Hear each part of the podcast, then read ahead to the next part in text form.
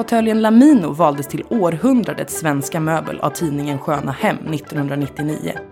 Men i skuggan av Lamino formgav Yngve Ekström en enorm mängd andra möbler som idag är mer eller mindre kända. Det här avsnittet är en kortfattad introduktion till Yngve Ekströms liv och verk.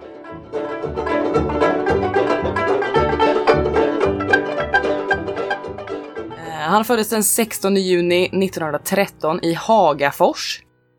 I Hagafors fanns Sveriges första möbelfabrik faktiskt. Sveriges första möbelfabrik. Yes, Ja. Hagafors stolfabrik som öppnade 1863. Stolar. Yngves pappa jobbade där, han heter Oskar, han eh, svarvade då pinnstolar.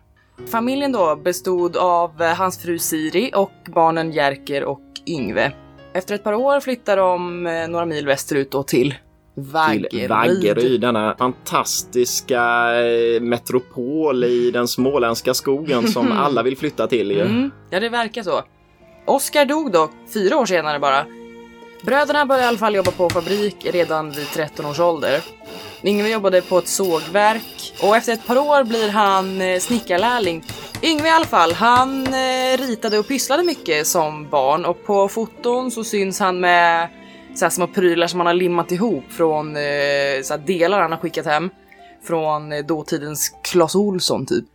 Men vid 18 års ålder i alla fall då så tar han eh, distanskurser i teckning och akvarell Ja. och han visar snabbt talang med sina porträtt av bland annat Gandhi och Lenin och han får betyget mycket bra. Yngve blev tidigt bildhuggare. Först var han anställd på en möbelfabrik och sen eh, frilansade han. Han hade en egen verkstad i källaren på huset och sen ett ateljéhus på gården. Yngve drogs tidigt till frikyrkliga aktiviteter faktiskt, eh, för där kände han att han eh, träffade likasinnade och fick stimulans. Mm. Eh, I Missionskyrkan träffade han faktiskt sin kommande fru Britta. Aha. Hans bror däremot, Jerker, han tydde sig dock till andra aktiviteter Jaha. som eh, politik och kommunisterna. Man kan säga att en stor grej som händer är ju egentligen 1945 när Yngve och Jerker beslutar sig för att starta ett företag eh, som de kallar ESE. Året innan, 44, så hade Yngve ritat sin första sadeljordsstol. Egentligen var det nog inte så genomtänkt. Eh, och då har de sagt då att vi saknade vissa saker. Saknade planering, kapital, utbildning och strategi. Så eh, hade de ju ändå ett antal saker som var viktiga här.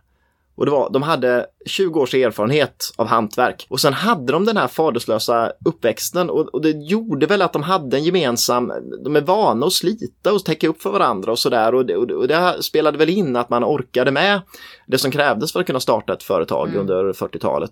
De hade inget att förlora. Nej, just det. Eh, och det byggde mycket på, de hade ingen utbildning och inga förväntningar på sig heller. Det är ju två Ekström här, det är ju Yngve och eh, Jerker. Och sen slår de sig samman med en eh, kollega som de har jobbat ihop med innan då som heter, hette då Bertil Sjöqvist och eh, Okej, S då, så ja, det måste ju vara ju Ja. Ekström, eh, Sjöqvist, Det Ekström. då. låter ju logiskt. Ja. Från början var ESE lite av en ja, modellverkstad för Yngve, eller en så här experimentverkstad för att han, han ritade och sen så ja, byggde de andra möblerna. Och eh, under den här perioden, redan 45 då, så ritar Yngve två stolar som man kallade Anders och Per. Eh, och det är hans första två vilstolar egentligen som eh, ESE börjar producera. 1952 så beslutar sig Yngve, och han åker upp till Stockholm. Och i bagaget har han en stol som heter Tema.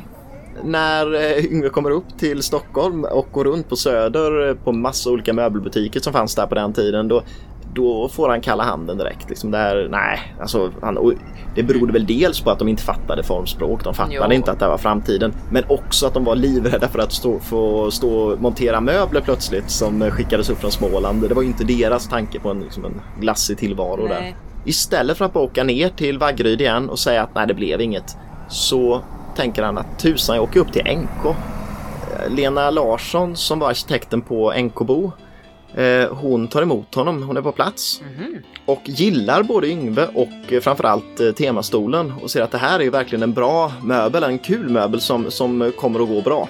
Eh, och där visar, eh, visas då möbler som temastolen Och sen även kurvan som är en, en föregångare lite till Laminon där, som, eh, men också man börjar se det formspråket. 56 då, när han eh, designade Lamino, då hade han ritat stolar i över 10 år. Det var tydligen de tre F'n som gjorde Lamino så populär. Formpressning, formgivning och funktion. Den visades då första gången på möbelmässan i Göteborg 56. Och eh, nu har den faktiskt sålts i över 250 000 exemplar. Ja, det är inte dåligt. Från och med då alltså. Det är ju... Det är ju enormt mycket ändå. Det är enormt mycket vilstolar. Och den är ju Swedeses bestseller nummer ett. Jo, det är klart. Of all times. Yngve var ju inte bara formgivet för Svedese. Fem fabriker knyter sig samman. Det är 1958 och det är ju Svedese, men det är också Källemo i Vaggeryd som gör skåp och bord och det är Stolab i Småla Stenar som gör pinnstolar just som är en sån här hjärteområde för, mm. för Yngve.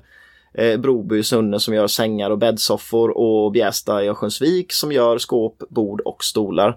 Den här, eh, de fem fabrikerna, de hade mycket så samordning när det gäller annonsering till exempel även att fabrikerna hade liksom egna avdelningar i annonsen och så visade verkligen att det var olika företag som producerade, så var det ju det var samma formspråk, samma typ av loggor och samma bilder. Och det berodde på att det var Yngve själv då som ritade loggorna, det var han som tog bilderna och det var han som gjorde annonserna. Så att han, han var ju liksom hjärnan bakom hela det här projektet. 1968 blev det studentrevolt. Eh, det blev lite hårdare tid i samhället 68 och framåt. Alltså Yngve kände ju att han inte hörde hemma riktigt i det här längre för att han, han var ju en företagsledare men han kände inte alls att han hörde till det svenska, SAF och Svenska Arbetsgivarföreningen och hela det här. Men samtidigt ställde han ju inte upp på det här eh, revolutionära liksom, strömningarna som eh, fanns i samhället. Eh, och därför blev han lite så vilsen överhuvudtaget. Och Jerker måste känt sig också väldigt vilsen i det här för att han var ju företagsledare och arbetsgivare trots att han själv väl uppenbarligen inte alls hade de idealen. Nej. På, på 70-talet var det ju dessutom låg status att vara formgivare för du skulle inreda med gammalt och du skulle, inte, du skulle inte tänka på formgivning och ett snyggt hem och så vidare. Det var inte alls hög status. Nej.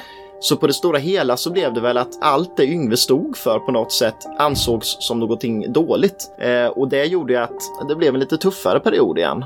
Trots att Swedese gick väldigt, väldigt bra. Man, man söker efter investerare. Till slut hittar man här Navigator då, som är ett investmentföretag som köper Swedese. 1974-75 där. Jerker slutar ganska snart efter det i företaget men, men Yngve är ju kvar ända tills han dör 1988. Designpodden produceras av Sanna Z Lönngren och Andreas Zetterqvist. Lyssna på oss gratis där du brukar lyssna på poddar och följ oss på Instagram där vi heter Designpodden.